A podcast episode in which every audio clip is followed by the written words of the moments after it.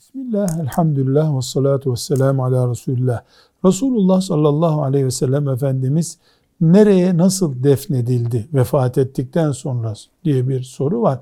Diyoruz ki Resulullah sallallahu aleyhi ve sellem hicretin 11. senesine girildiğinde vefat etti. Bir Rebül evvel ayında pazartesi günü vefat etti.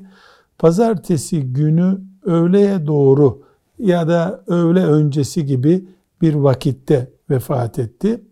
Yaklaşık saatle sabah 9 ile 11 arası gibi bir vakit diyebiliriz.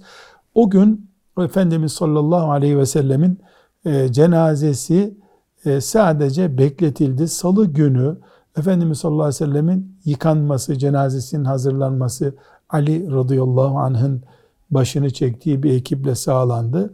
Vefat ettiği odada yattığı divanı kaldırıldı. Onun altı kazılarak oraya defnedildi. Öyle vefat etmişti. Yani şu anda kabri şerifinin bulunduğu yer sağlığında yattığı, uyuduğu, Ayşe annemizle beraber uyuduğu yerdi.